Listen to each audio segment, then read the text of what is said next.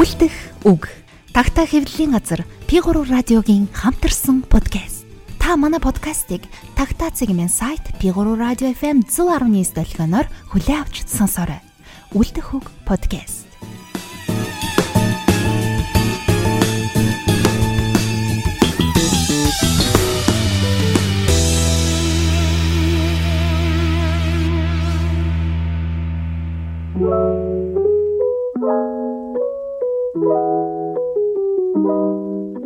За сайн байцгаана уу. Тагтаа явлалын газар P3 радиотой хамтран бэлтгэдэг Үлдэх үг подкастын маань шинэхэн дугаар та бүхэнд хүрж байна. За тэгэхээр студид өнөөдөр Тагтаа явлалын газрын ерөнхий редактор Цагаан Чулуугийн Дэлгэрмаа, Тагтаа явлалын газрын редактор орчуулагч Базар Аргачаагийн Дэлгэрмаа. За тэгээд миний бие явлалын газрын эрхлэгч Баясгалан байна. За бид гурван өнөөдөр аа подкастын манд босод дугаарыг бодоход арай өөр нэг юм дугаар бэлтгэж чинь тэр юу вэ гэхээр аа одоо өнөөдөр дэлгэрмаа ихчийн одоо хамгийн дуртай тий өөрийнх нь биш а гэтээ өөр зохиолч юм бичсэн хамгийн дуртай өгүүлбэрийг одоо дэлгэрмагчийн өөрөх нь хоолоогоор уншуул сонсох гэж байна. Тэгээд энэ подкаст маань цаашид бас ингээд ганцхан бид гурвын сонголтоор биш, тагтаагийнхны сонголтоор биш, олон зохиолчд, яруу найрагчд, орчуулагчдыг урьж өөрсдийнх нь дуртай өгүүлбэрийг уншуулад ингээд бас подкастын маань нэг жигүүр болоод үргэлжлэх юм шүү. За тэгээд өнөөдөр дээгийгч маань ямар зохиолчийн ямар өгүүлбэрийг сонгож ирсэн бэ? За шууд надаас эхэлчлээ. Тэгээд аа би болохоор юу яалаа? Аа гурж нямд орж гээд одоо 80-аад он 90-ад оны ихээр маш идэвхтэй бичиж байсан юм зохиолч яруу найрагч шог зураач хүн байдаг. Тийм хүн. Тийм. Хүсгэт аймгийн түнэл түнэл сумын хараа яг нэг сумын тий. Аа үрж авын ямд орж гэдэг энэ зохиолчийн аа цочоод сэрсэн заяа гэд миний хамгийн дуртай өгүүлэг байдаг. Тэрийгээ л уншия гэж бодчихин та. За тэгэхээр өнөөдөр аа Мөсгөл аймгийн Түнэл сумын одоо юм хараа зохиолч, яруу найрагч, шог зураач, сэтгүүлч гүрж авын ямд орж хэмээх нь маш мундаг авиаслаг за тэгээд зохиол бүтээлийн залуу үед манаас төдийлөн хүртээмжтэй хүрч чадаагүй байгаа болов гэж бодож байна. Энэ зохиолчийн маань цочоод сэрсэн заяа гэдэг өгүүлбэрийг төөний нутгийн охин Пилгримагийн хаалгаар бид нар одоо сонсгож байна. За өгүүлгээ сонсъё. За ингээд шууд уншаа авчихв тий.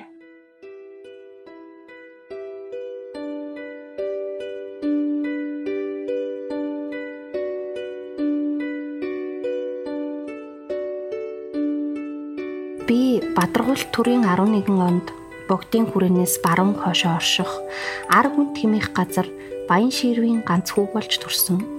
Наг цаах маань хүрээний бадман йогийн дацанд том лам байсан учраас миний утсын чиний улаан амийг дан содном даржаа гэдэг нэрийг хайрлсан боловч аав бүрэн болт гэж өөрчилсөн юм гэсэн.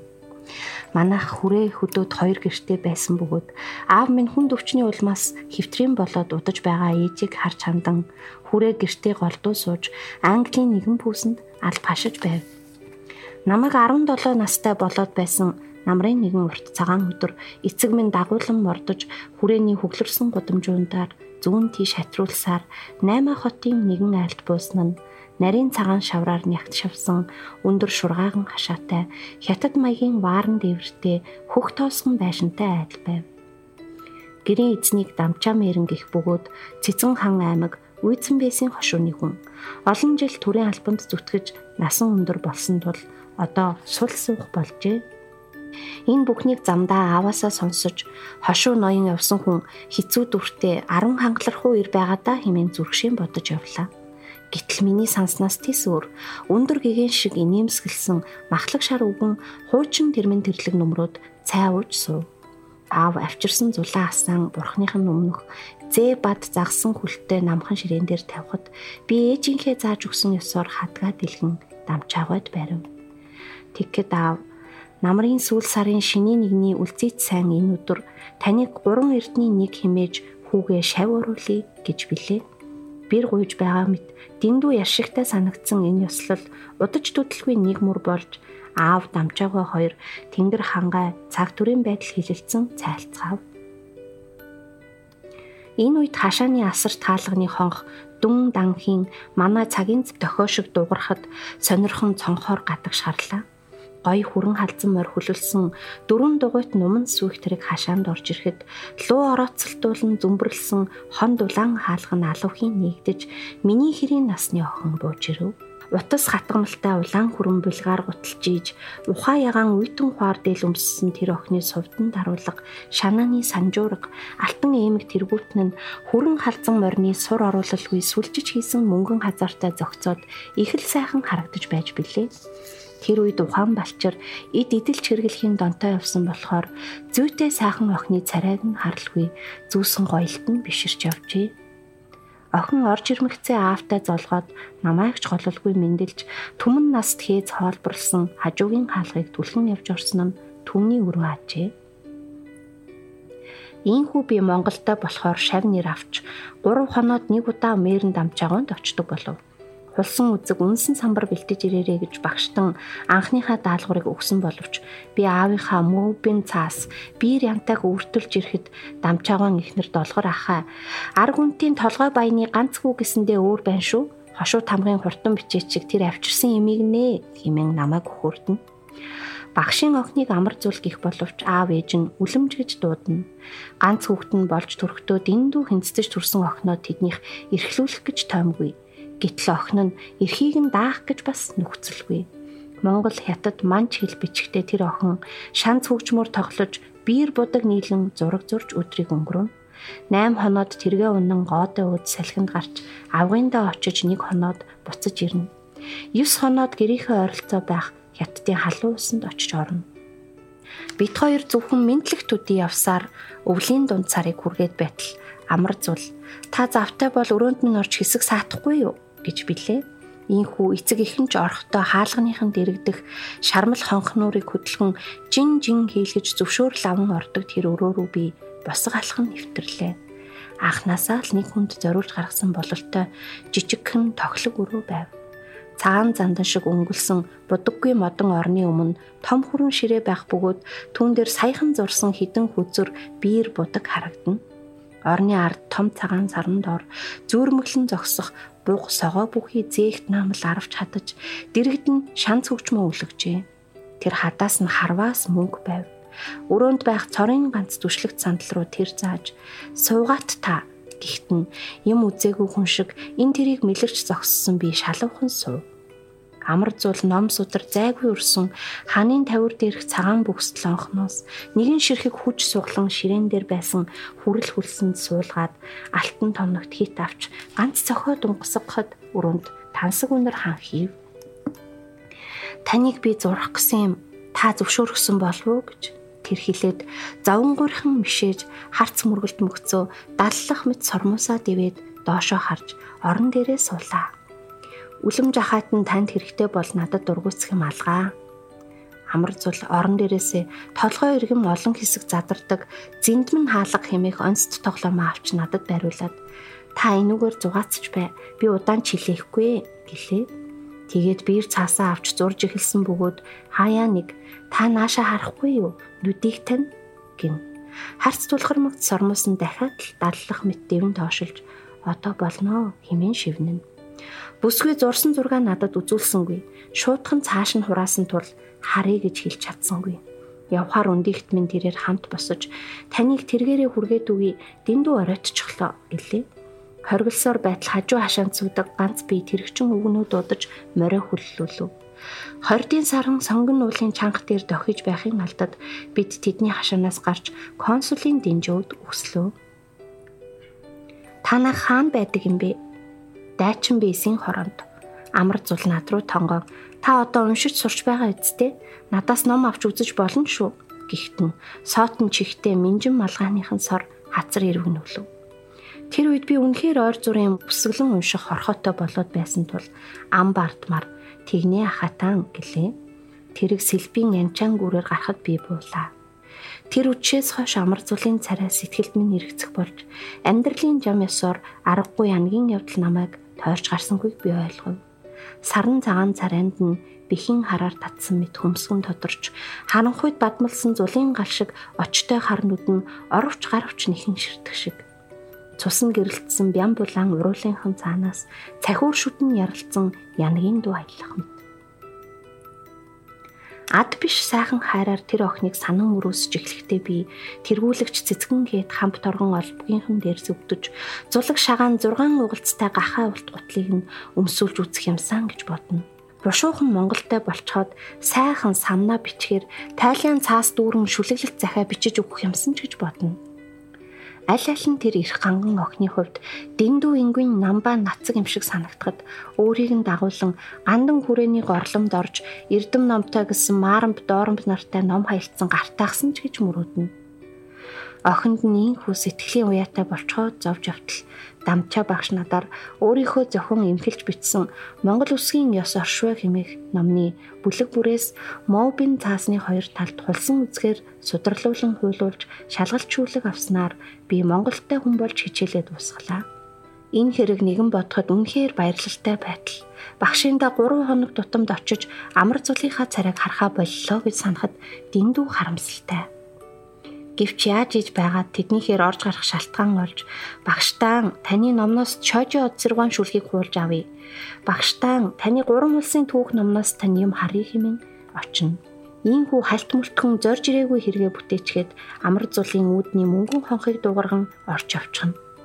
Тэгэхдээ хөгшчүүлсэн жаахан нэрлэх боловч охинд хантай гэд тэд бас муугүй өвлийн хүйтэнд гэрт хорогдсон амар зул хурган дээлэр хөлөө орон орон дээрээ цомцоож шанзаа цохонгоо өмнөх цаас руугаа хорон харан. Сонгосон биш сэтгэлийн чанарт солиотой биш насны явдалд согтуу биш эрүүлийн үзэгдэлд солиорхын төдийд элтвийг дуулав химэн айлна.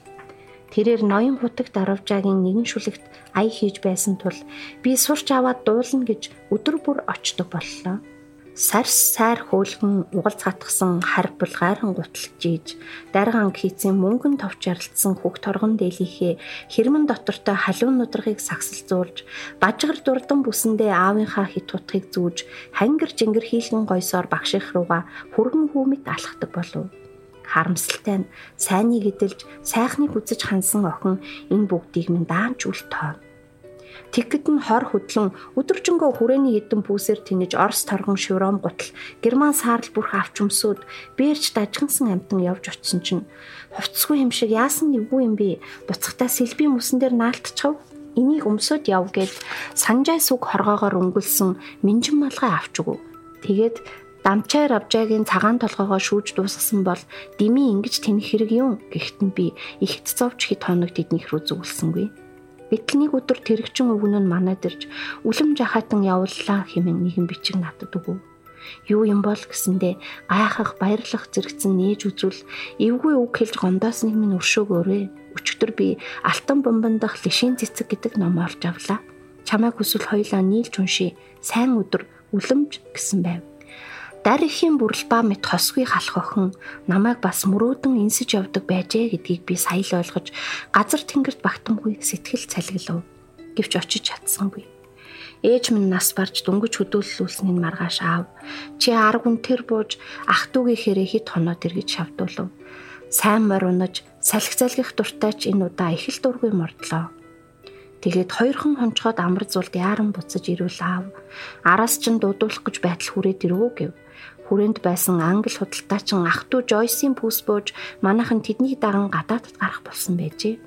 Би бушуухан давхсаар амар зүлийн дочвол ашгүй ганцаараа байж байлаа. Манайх явах боллоо. Дуулсан уг нь аавд чинь шав орж англи хэл заалгая гэж сансан юмсан гэж түүнийг шивнэхэд би тэнүүлчин аавтаа хязгааргүй гомдож билээ.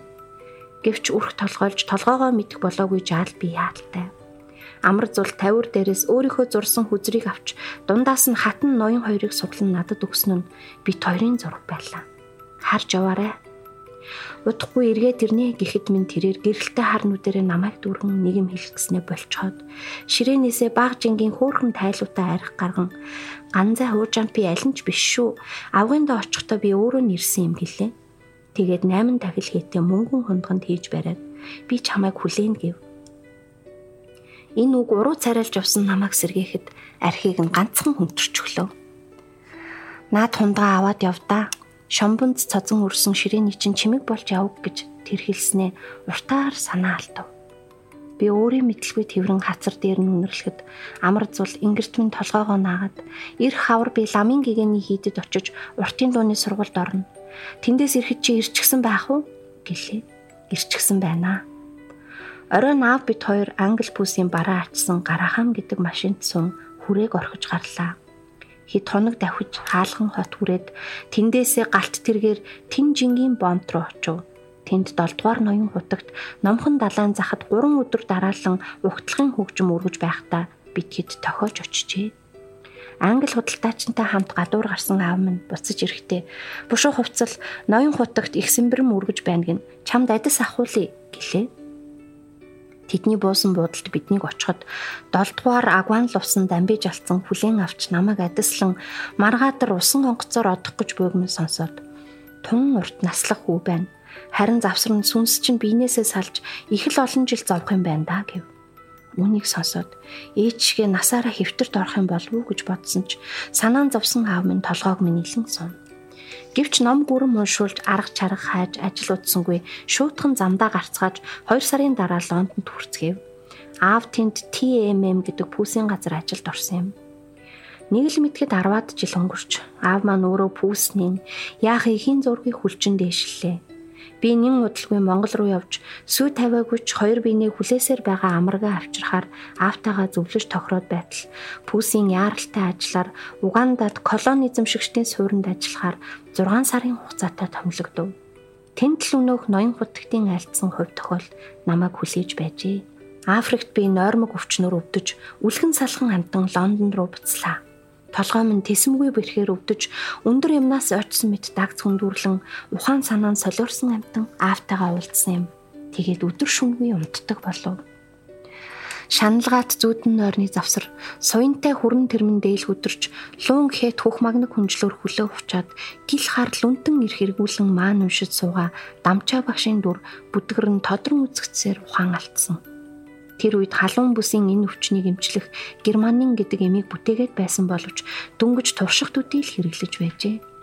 Намайг 2 сарын турш халууран үглийн даваан дээр очиод байхад аав маань хүмүүстэй уулзаж тухайн үедээ жирийн хүний санаанд ормооргүй нэгэн зүйлийг хийхээр бэлтгэсэн байв. Тэр үед үүнээс өөр зөв зам үнэндээ л алга байжээ. Ийм хүн намайг өгөхөөс өмнө цусыг минь юулан хүлдөөжээ. Энэ ажилд аав минь насаараа зөвлөсөн хөрөнгөө үрж өөрийгөө югуутгсан байв. Түүний сэтгэлийг гээгүүлж байсан нэгэн зүйл бол энхүү аюулт өвчнийг бүрэн эмчилдэг болсон цагт намайг буцаан амьдруулахаар гэрээнд заасан явдал байлаа. Миний бие ээгийн хүрээлэнгийн дугааргүй өрөөнд хэвтэж байсан тэр үдэш сүнс минь намайг орхин Монгол руу одсон юм.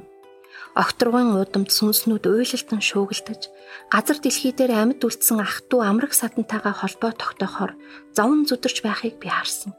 Хүн амьдтай хичнээн зовлооч тэдний зовлонг хинч хизээч үл ойлгоно. Тэр үед 8 хотын хөхваарн дээвртэй байшиндах амьдрал их өөр болсон байлаа. Намайг олон жил хүлээсэн амар зул минь нийлэмгэр хөх пүүсүүдээр утас орон зүү хатгаж хөөригний дайлан хийж сув. Дэрэгт нь аавг эгчин сууж ногоон торгоны утас сэмлэн нийтгэж охиндоо туслана том өрөөний хойморт байх бурхны гүнгэр ван дотор амар зулын бүтээсэн дамчаа багш долгор ахай нарын хүрэг байна. Өмнө нь аврах тахилтай мөнх зул асаажээ. Амар зулын өрөөний хананд хадган цэнхэр даавн дээр хүрэн бихээр татлахын усны үргэлжлэл мэт дурсах хэрэгтэй гэж бичсэн хүшиг нэмэгдэжээ.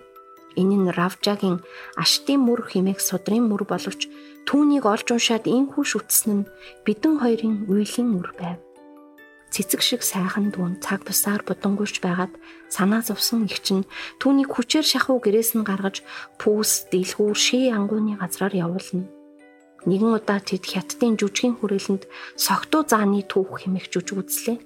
Амар зул олны дунд өвдөг сүхрэн сууж Тайзан дээр эцэст төгсгөлгүй мэд үргэлжлэх явх түлгэрийн явдлуудыг ширтгэхэд нүдэнд нь уйгунэг сүмэлзэн. Дэрэгдэн суусан ширвэ хар сахалтай залуухан ноён үйлчлэгчийг дуудан самар авч амар зулт өглөө. Бүсгүй түүнийг нь дурамчхан авч үр дээрээ тавиад чимээгүй тонгооход их чинь ноёнтонд гялаж байгаагаа хэлээч гэсэн боловч охин ам нээсэнгүй. Жүжигийн дараа залуу ноёнт нь тэднийг дагуулсан явж усны гудамжны хоёр давхар байшинд орж хоолцгоо. Саяхан эцгийнхээ хэрхэн зэргийг залхан хошуу ноён суусан тэрээр маргааш бид танаад очино Тэр үед та ганцаараа байвал зүгээр шүү гэж аавгаад хэлв. Тэр үед амар зул хурчгсан хоолоо идэлгүй орхичоод цонхон дээр гадаг шаран зогсож байлаа. Намрын ихэнх сарын налгар шар өдөр байсан тул цонхон дээр өтний ногоон батхнууд хоргол шиг барцглаж байв. Энэ бол миний ганц айдас.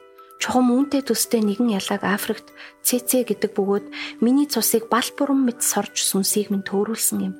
Харин амар зул түүнийг огтхонч тоолгүй гараас авчин үргээгээд "Игчээ явъя да" гэв. Маргааш нь тэр ноён хоёр хяага дагуулсаар амар зулын хашаанд дөрөв мултлан буухад бүсгүй гадуур явхаар тэргээ унан зурж гарлаа. Ноён авга ихчт нь хадагтай юм бүү зузаан хунд цайтай барьж ёс алдаж буйг минь өршөөгөөрөө гэв. Тэгээд цайлсныхаа дараа хяанараа буцааж хаш хөөргөө алган дээрээ бөмбрүүлэн төвдийн довдог гэдэг хатуу цагаан там хүнэртэн уттал ярилцав. Үдшин амар зүйлийг буцаж ирэхэд их чинь хорвоогийн жамаар хүний гэрт очих болсныг дуулгалаа. Игчээ би өөрхөн хүлээж байгаа шүү дээ. Манайх дөнгөж одоо л сүй тавьж байна гэж аав гэх чинь үннээсээ өгүүлв. Надад иймэрхүү юм хэрэггүй. Би олон удаа хэлэхгүй шүү гэж амар зул зориуд тайван хилээд өрөөнд орлоо. Маргааш нь тэрээр оройтож босохдоо гэрт нь өчигдрийн ноёны хяа ирсэн байхыг харав.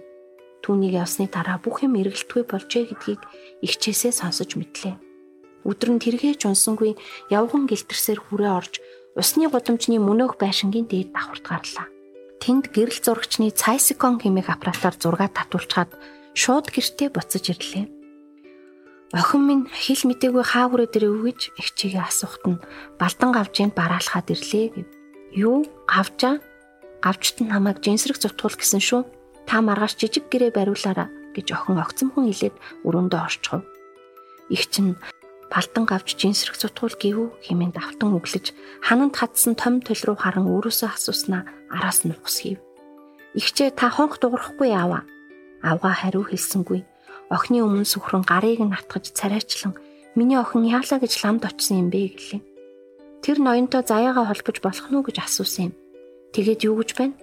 Жаахан саад байна. Жинсрэх зутгуулчвал зүгээр болно гэлээ. Гол нь та маргааш яаралтай гэр байр хэмээн амар зул амьсгаатан өгүүлв. Юртөөл тэгээд болчих гэж юу? Жинсрэгт орох бус тэмийг нь би олчихсон. Бас бус эмийг нь ирэх хүн өөрөө хин. Игчээгээ гарахад амар зул хүнжилтөө нүрээ нан гиншин уйллаа. Маргааш нь эртлэн босож зурагчин дээрээс зураг аваад буцаж ирэхэд хитэн хүн гэр барьж харагдлаа. Тэрээр хинтээ ч юу ч дугралгүй шалгахун өрөөндөө орж хүмүүсийг тарж явтал гаралгүй суув. Гэр бэлэн боллоо. Одоо юу юу оруулах вэ гэж их чигээ хонх цохон асуухт нь болно болно бусдыг нь би хий хэмээн твдэн өгүүллээ. Шүн нь хурган дотортой дээлэндээ жаалчуулын боож аваад сэмхэн гарч гэрт оров. Лаасааж тавиад дээлэн дээрээ сүгдэн сууж том гуйлан тахилд гол орон олгоотой тосноос дүүрлээ. Чими чагнан ийш тийш харснаа нэгийг санав бололтой гарч үлми дээрээ гитсээр өрөөндөө орж өөрийнхөө гэрэл зургийг авлаа Түүнийгээ их өрөөнийхөө гүнгэрван дотор ээж аав хоёрынхоо зургийн дэргэд тавиад орж ирсэн шигэ буцаж гарав. Гэрт ормогцоо хаалганы онсыг нь түлхэн төвчж нүмгэн өмсөж явсан тэрлэгээ тайлахад энэ хорвоод ирээд эвдүүлж хүндүүлэлгүй ариухан хിവэрэ буцах гэж байгаа тангил нүцгэн бие нь хасын хөнгөөр гэрэлтлээ. Амар зул лааны гэрэлд хайлмагдсан шар тосноос чавчхар идэр биендээ нүүрнээсээ хөлөө хүртэл түрхв. Тэгээд хурган дээлээ гэрийн өнөнд ханцуугаар нь хавчуулан үлгөөд доор нь лаагаа аваачиж тавихад хялгас алвхийн хүүхдүүлтэй нийлж гэр дүр хиншүү ханхлав. Амар зул зулаа асааж дэрэгдээ тавиад баг нь налан сууж нүдэ анлаа. Богдын хүрээнд болсон энэ нэмэгнэлт явдлын дараач би амрагийнхаа сүнстэй уулзраагүй юм да. Бурхан бидэнд ёстой төөрөлтийн заяа оноосон байв. Ингээд 1972 онд 60-аад жил хөлдөө хөвтсөн намайг ээгийн хүрээлэнгийнхэн санаж дахин босгосон билээ. Гэрээнд заасны дагуу энэ бүхнийг маш нууц хийсэн юм. Аав маань урт удаан насалж 1942 онд 91 наснда талигаж болохдоо надад нилээд их хөрөнгө бүхий гутлын дунд зэргийн үйлдвэрээ өвлүүлж үлдээсэн байв. Урт удаан эцэс төгсгөлгүй мэт аяны дараа 1983 оны 8 дугаар сард Монголд ирлээ. Надгүйгээр бүх юм өөрчлөгдсөнийг би сайн ойлгож байсан боловч дүнжин гарын хойд хормоод амар зулмын нэгнэгт байхгүй болсон тул огтоо сэвлэрч чадахгүй байлаа. Улаанбаатар зочд буудалд хит хонохдоо голдуул дамчаа багшийн гэр орон байсан амгалан хаваар эргэлдэж сэтгэл дотн өнгөрсөн цагийн ямар нэгэн юм олоод үзчих санаатай яв. Би үнэнхээр амрагийнхаа гэрийн халуун буурийг олсон бөгөөд харамсалтай тэнд зөвлөлтийн цэргийн ангийн тоосгон байшингууд барьжээ. Алх хадууртай төмөр хаалган дээр нь автомат буута орос цэрэг зогссон үзэмшиг ягаахан тэр байшин руу ойртон очиж адаглаад нэг чатуугаа луйл шарилж олоод үнэрлэх боломж гарсангүй.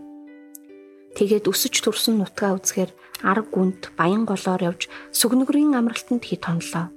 Миний орсон өрөөнд хотын нэг үйлдвэрт инженер ажилтай залуу байсан бөгөөд азар тэр маань яриа хөөрөнд муу голдуул ном уншиж цагийг нөхцөөх нь хулгай мэд сэм явсан надад их таатай байлаа. Түүний нэг номноос би Ринчин самбуу гэдэг хүний бичсэн цаг төрийн өмнө романы шүмжиг тун санаандгүй олж уншсан юм. Энд оюун дайр химэх эмгтэн талаар товтой юм хэлж чадаагүйч цаглашгүй амраг, янаг хайрын сайхан оюун дайр, уншигч бидний сэтгэлийг булаасан эрхэмсэг сайхан оюун дайр хэмээн үгээ олж ядан дуу алтан бичсэн байсан нь миний сэтгэлийн гүнд хөгжмийн шиг шиг тонх хийж билээ. Зөөргүг ихэд дэндүү ижлгүй төрсөн миний үлэмж сайхан амар зулшиг гуа бүсгүй богдын хүрээний горломд өөр бас байсан юм гэж үү? Оюун дар гэдэг тэр охин миний алтан амар зул байсан юм биш биз? намдаг гэдэг тэр зохиолч үүдний хонхыг дуугарган өрөөнд нь орж шанцны нэгшгийг сонсож суусан юм биш байгаа. Тэр өдөр намрын бороо зүсэрч өтгөн манан гурван давхрын цонхон дээр буусан уйтай өдөр байлаа. Нөхөр маань уншиж байсан номоо орныхоо урд руу унгаачихсан унтаж хэвтэв. Сэрхийг нь хүлээж чадалгүй ухсгийн очир татаад намдаг гэдэг зохиолчтой яаж уулзах вэ гэж асуулаа. Нэг их үзүүргүй бүдэг бадаг сураг сонсон байх та гэж эмээн бодож байтал залуу нойрмоглон яраглах зураа энүүхэн доод тохойд хүрэн дүнзэн байшин би одоо цонхоор харагдан да тэнд байдаг гэсэн гэлээ. Би сүүлчийн галт тэрэгнээс хоцрох гэж байгаа хүн шиг яаран босож үлгүүрээс борооны шүхрээ шүүрэн аваад гарчгүй. Амралтын газрын дэрэгдэх сүгнэгрийн бяцхан арлын хүрэн дүнзэн байшин руу явж очихдоо би энд хүн суухаа болоод удаж байгааг нь хараад л ойлголоо. Байшин цоочтой байв. Довжоон дээр нь модны гуйл зэсгийн өнгөт навч сүглөрчээ цэнхэр торгон хөшгтэй цонх, байшинг тойруулаад татсан хүцөө, дээвэр дээгүр нь бүхэлдсэн улаас хус модод, сүрэн дээр босгосон гар угаагуурын усны зэвэрсэн том төмөр торх. Энэ бүхнийг ажиглан унаанасаа хоцорсон зорчигч шиг гайхшран зогсож байтал хөрмөг дээгүр саржигэн талхалсаар нэгэн үгэн хажуугаар өнгөрлөө. Энд намдаг зохиолч айл эрт нас барчсан шүү дээ хүүхээ. Усанд нэвтэрсэн гутлаа дааж ядан буцаж гэлтрэхтэй би хүн Бурханаас зайсан цаг үедээ л байх нь жаргал юм гэж ойлгож билээ.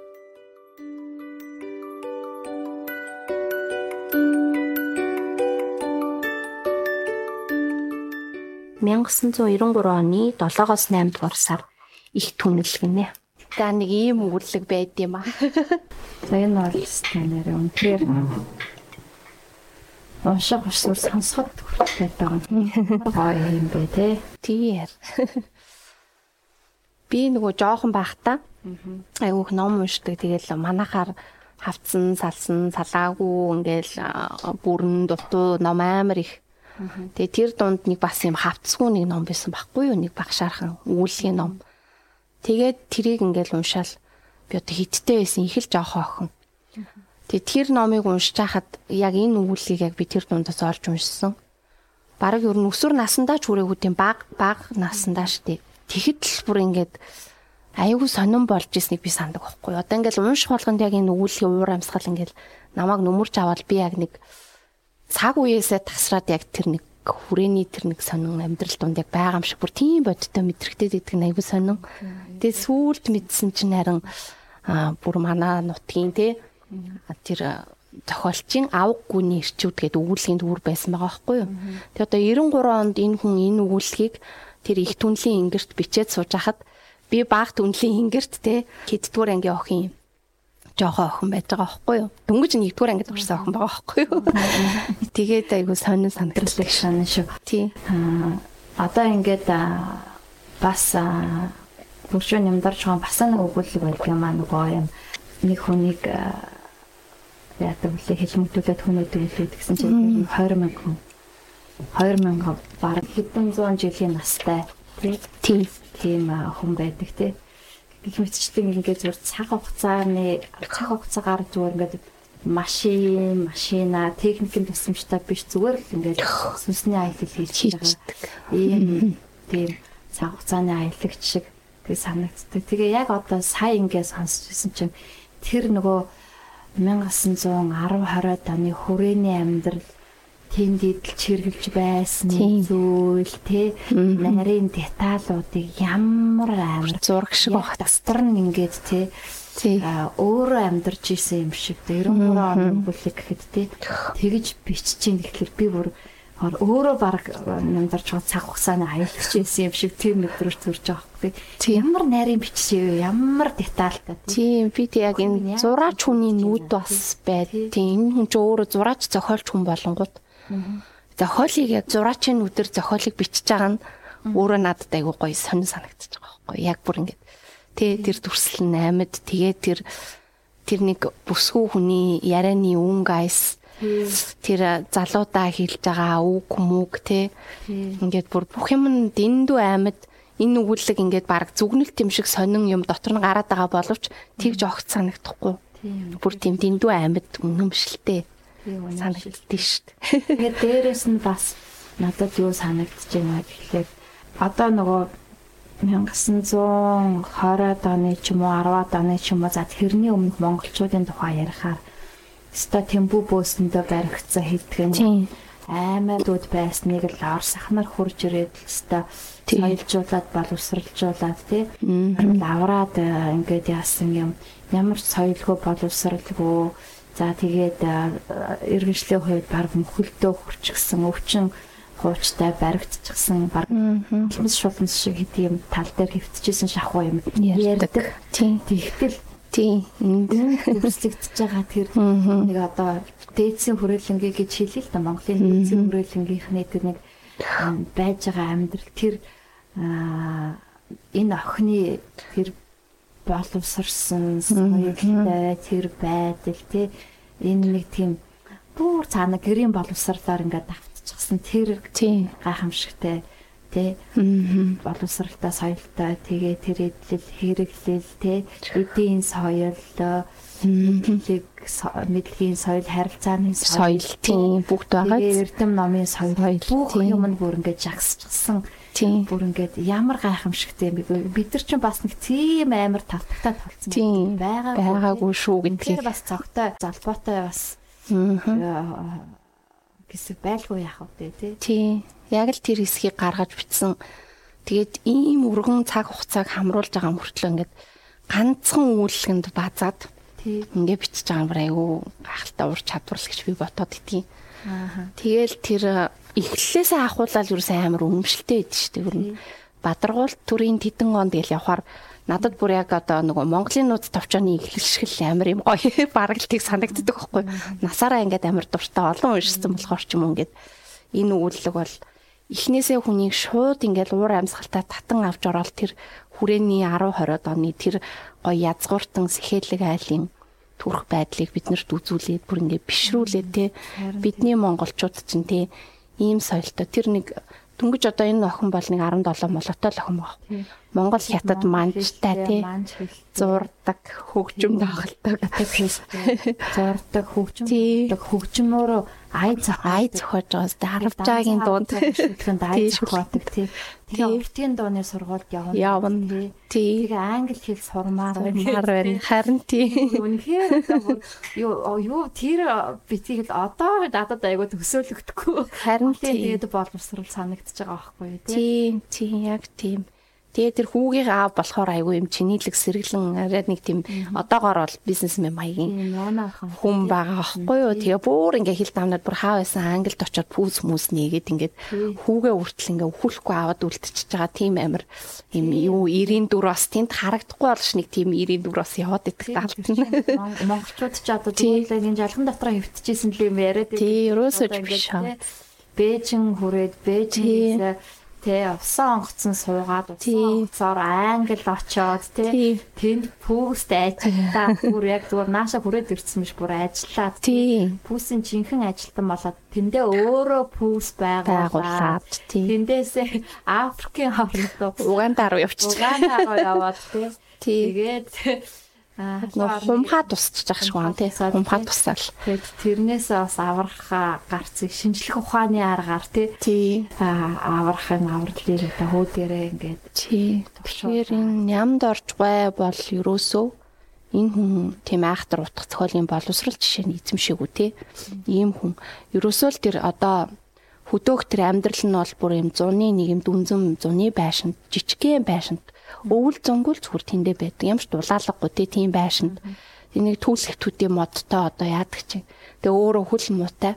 Тэгэл ерөөсөө ингээл хөлөө хултаж хөвтөж байгаа л ном уншаал тэ ерөөсөө ном уншаал бичээл тийм л амьдралтай хүн байсан байгаа хгүй. Тэгэхэд энэ хүн зүгээр тэр гэрээсээ гарахгүйгээр тэндээс хороо дэлхийг бүр ямар айхтар өргөн нүдээр харж тэ бүр дэлхийн ингээр ингээд сэтгээд дээр нь цаг хугацаанд юусаа хашигдахгүй дээр нь хүний олж нээсэн шинжлэх ухаан мэдлэг юу гэдгийг тэрэнд хашигдахгүй сэтгэж байгаа байхгүй.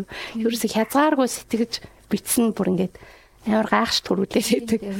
Хүний тухайн асуудал ч одоо ч гэсэн шинжлэх ухаанд байхгүй л эцтэй бараг тий тий. бас боломжтой хэрэгцээр л байгаа байгаа тий. Энэ ихтэй 1980 оны төгсгөлөөр ч юм уу яг энэ сэдвж яхаа одоо манай одоогийн хэлээр бол шуум тийм тийм бах яра баяр сайхан зохиолч юм 100 жилийн 100 жил дээр бас нэг хүн хөлдөөдөг штэ тий. Тэгэхээр энэ ингээд цочор сонин санагдаад энэ хүмүүстээс тэр зохиолчдод бас айгүй сонин санагдаад тэгээд энэ зохиолчдэлдээ бас энэ сэдв болгож бас оруулсан оруулсан байх шиг байна. Давцал бас анзаарлаа тий. Харин тий яг тийм. Тэгэл энэ дээр тэр гарч байгаа үгнүүд нь тий. Үгнүүд тий. Бүр яг тэр гоё монгол хэлээр одоо яад тийм тэр хаан хаанаас ч орж ирсэн байд энэ тэр соёлыг дагаад орж ирсэн тэр гоё гоё үгнүүд Жишээ нь тэр нэг шомбонд цозон үрсэн ширээний чинь чимэг болж яв гэхээр хэл ойлгогдож байгаас нэг юм шомбонд цозон гэдэг нэг юм одоо юм гоё арх дарсны юм гоё гоё ваар сав юу гэдгийг шил суулга тэрийг хэлж мэлж байгаа байхгүй. Тэгэл тэр хоргой торгоны дүрслэл хувцсны дүрслэл байшин сав нөгөө сүүх тэргийнхэн дүрслэл мөрслэл гэж бүх юм амар гоё. хахад ингээд анзаард бид нар чи ингээд хаяа үгээр дутаал үшээ энийг нэг юм дээгүүрээ онгорхоо доогуураа юм хоёр талаараа дэлгэрдэг хаалга чи юу юу гэж ингээд ингээд ахад үрсэлтээр бүр ингээд үнэхээр үгээр дутаад нөгөөтгөө мэдгчгүй баахан эрэл болдог штэ тий. Тэгсэн чи энэ зүгээр одоо жишээлбэл таныг яг уншиж би хэдэн үг байрч авлаа. Номон сүх орж ирлээ гэлдэг чи. Эсвэл загсан хөлтөө ширээ гэлдэг чи. Бажгаар дордоо бүсэл гэж юм тий. Одоо тэгээ амар гоё гэж гэдэг бүр ингээд үл тийм бүх юм тийм. Тийм одоо би одоо яг номон суух юм байдгийн загсан хөлдөө ширээ гэж юу байсан тий бажхаар бүс гэж одоо яг ямар бүсээ хэлж ийсэн тий бүгдийг а мэдмээр авах. Тэгээ бас нэг гоё ингээд дүрслэл надад тийг санагдлаа сая. Нөгөө монгол бичиг сурж байгаа шүү дээ. Тэгээд би ингээд а энийг сайн сурчаад бүсгүүдээ ингээд саманчсан юм шиг бичгээр ингээд сайхан цэгийн бичгэнс ингээд. Тэгээд саманцсан юм шиг бичиг гэхэлэр одоо ингээд ингээд шулуунтай бүр талал ингээд бүр виц шүдэн ялгатгааргүй амар татчихсан. Үнэхээр л татмаг бичгийг тэгээд саманцсан юм шиг бичиг гэж гой зөөрлөсөн байгаа үнэхээр гой. Үнэхээр сайхан оросолтой ширгэлтэнд гарчихсан. Үсэн сам гүйлгч гэсэн үсэнд бол юу ч торохгүй шүү дээ. Харин тий юу ч торохгүй. Тэрэн шиг ингээд юу ч торохгүй тийм гоё шулуун бичгээр ингээд захиа бичгээс тийм гоё дадмаг бичгээр захиа бичгээсэн гэж хийсэн байна. Тий. Тэр мөрөн ч гэсэн надад талаа нэхэр аа тэгээд ямар гоё юм бэ л гэж бодоод. Бараг ингээд уншиж хахад энэ мөр абзац болгоно нь өөрөө ингээд ямар ч сул юм бүү ингээд тэр дүрслэл өгүүлж байгаа санаа манаа ингээл нягт юусэн яг ингээл ингээл ингээл зүгээр. Тий. Янзын Ямар ч янзын тий. Тэгээд э, ямар ч тийм одоо юм том том агаар нөхөж байхгүй нэг маш нэгтлээ. айгуу гоё. Хүний анхаарлыг олвол ингээл яг өөртөө тас гэл барайл. Тий. Тусгаж байгаа юм ийм гоё үлэлэг Тэгээд байдаг юм 10 аа. он 20 он. Яг хайр дурлалын хэсгийг би хасаад яриад байна л та. Өмнө нь маш нандан гоё юм. Тий айгуу нандаа хайрын тухай байгаа ч тий. Тэгээ би яг Монгол хүн Монголын тухайн үеийн тий сэтгэлэг боловсралтай байсан юм. Тэгээ тэр зураач хүний нүдээр ол битсэн ахуйд өөрөө бүр цаг хугацааны аялагч байсан юм шиг тийм нарийн тад харж бичсэн юмнуудыг бас биширч ярьлаа. Тэгээ бас нэг нэг өг нь ямар гоё юм тэр нөгөө аа юун дээр хөшгөн дээр данжаа гарч тэр бүр айгуу гоё байгаа тий урсны урсгал мэт үргэлж яах хэвээр гээд дурсаж явах хэрэгтэй. Тэгээд сэтний урсгал шиг дурсаж явах хэрэгтэй. тий аравжаагийн үгийг хөшгөн дээр нь насралтгүй тий. тий тий дурсаж явах хэрэгтэй. Шүү гэдэг. тий тэгээ энэ бит хоёрын үлийн үр болжээ гэдэг энэ хоёрын нэг тэр нэг уучлалынхаа нэг юмыг тэрүүгээрээ ингээ хэлчихэж байгаа. Тэгээд ийм их юм Амжаа хатаж гисэн айгу бага үссэн байна. харин тий Монголын өг э, одоо нэг Монгол соёл, Монгол э, уран зохиолын өвөө бас их бага бидтим байна гэж өөрөө бас зэмэлж байна. Тэгээд наашлуулад намдаггүй хүртэл оруулж ирээд цаг төрийн өмнө романы оюун дайртай нөгөө амар зулыгаа жишээ.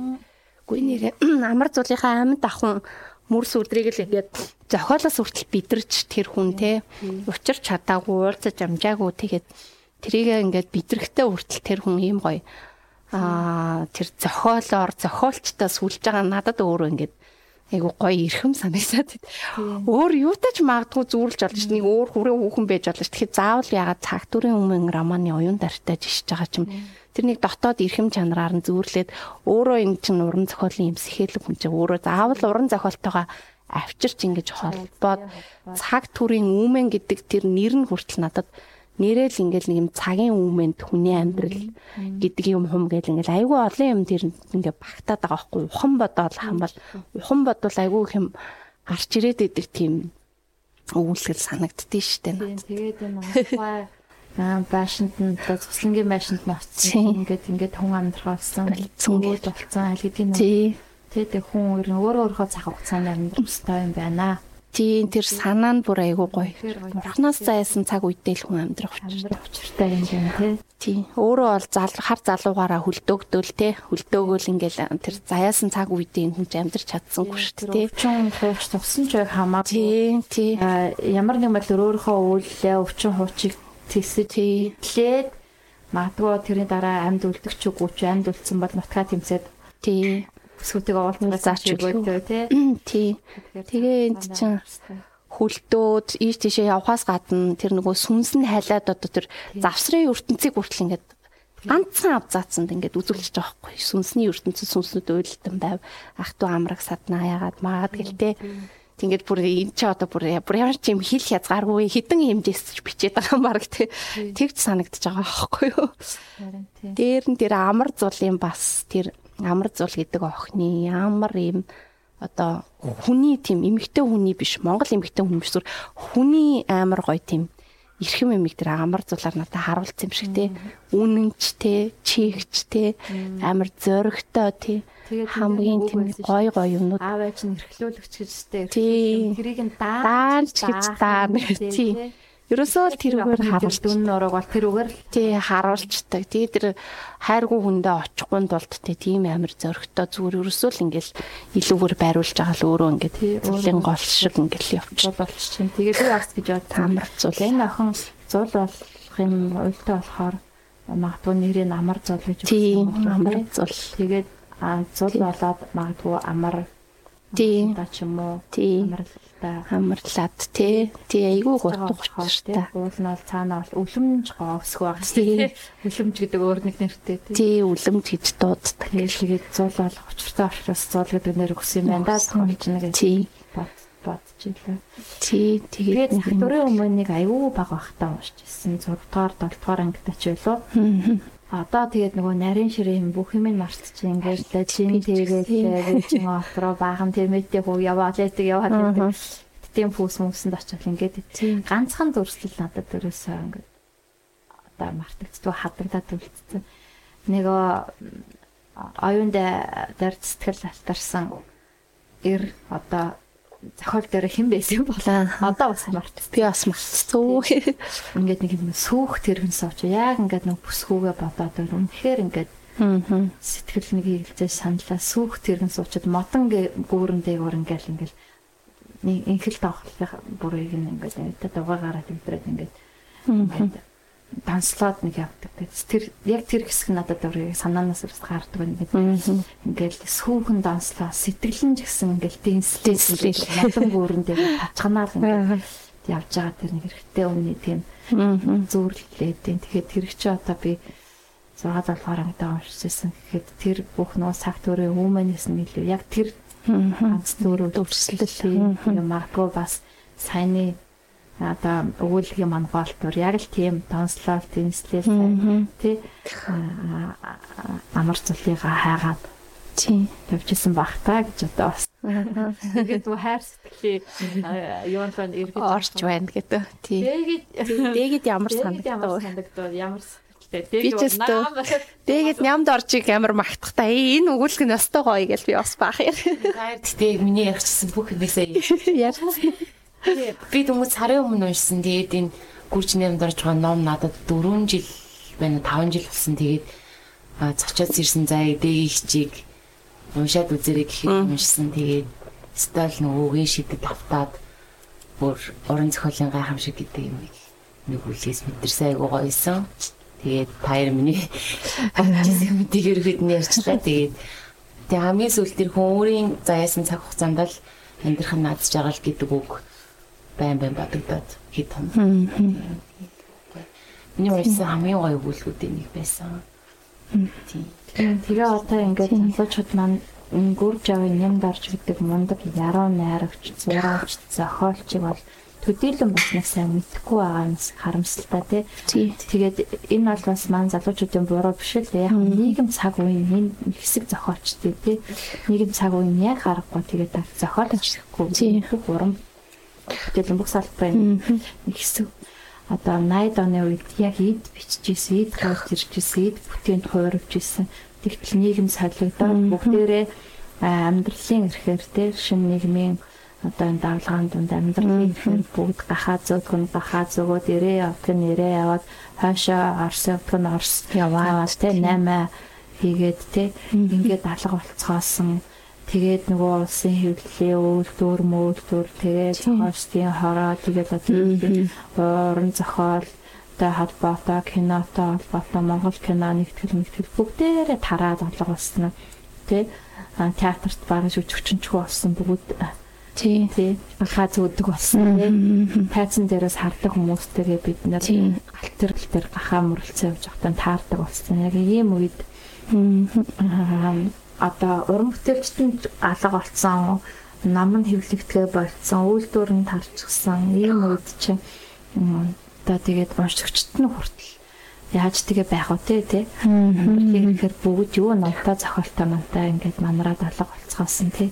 Тэгээд яг ийм нэг цагийн шуурга хийсгэлэн ийм нэг үед энэ далхаагийн орон пүрүүж үеийн баяр сайхан гүрж үеийн ямд орж дор золын инх бод энэ болт гээд тий. Манай хөөрнөл зохиолын Монголын хөөрнөл зохиолыг шин төвшөнд нэг өндөр төвшөнд авах мундаг суурилчид юм аа бүтээл зохиол бүтээлүүд уншигчдтай хөв чадлгүй замхраад ингээд бараг 20 жилийг тий дундаа завсарлцсан байна. Энэ залуу үед маань бас энэ зохиолчдыг таньж мэдэх бас боломж хомс цаг хугацааны хувьд бас ингээд таслагдчихсан байжээ. Тэгэхээр бид нар яг уран зохиолын хүрээнд дотор ингээд ажиллаж амьдарч байгаа хүмүүсийн хувьд энэ хүмүүсийн бүтээл зохиолыг хэрэгээд аа одоо гаргаж ирж, сөхөж, ярьж, уншиж, хийлж тий. Уншигчтай дахин танилцуулах нь одоо бидний баг Монголынхаа уран зохиолын төлөвийг эрхэм өөрг маань юм шиг санагдсан. Үүрэг. Тийм хэрвээ өөрсдөө бид нар мэдээд олж уншсан бол тэрийг хүмүүс бас тэ нээж өгөх ёстой байхгүй юу?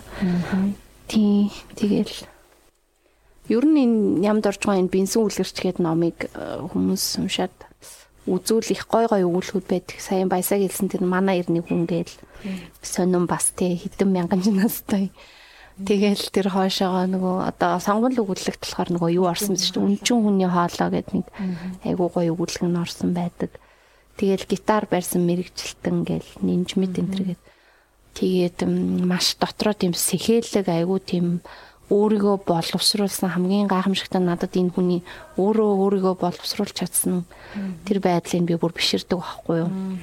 Яг л тэр гэрэл гэгээгүй харанхуй те тийм бууд суурнд хот хүрээнээс алсан мөртлөө ингээд өөрөө өөрийгөө боловсруулаад тэгтээ гүрэн ямд орж байгаа хотод ил товчоо тоншуул энэ төр гээд сонингуудад тэгтээ ажиллаж байсан тий Тэгтээ ингээд эрүүл мэндийн байдал одоо юу гэдгийг өсто цаг дүрийн өмнөөс болоод энэ хүн яалтчгүй тэр түнэл гээд манай тэр сум тэр нь тэндээ байж байгаад юу нь бол үд болсон юм билэ.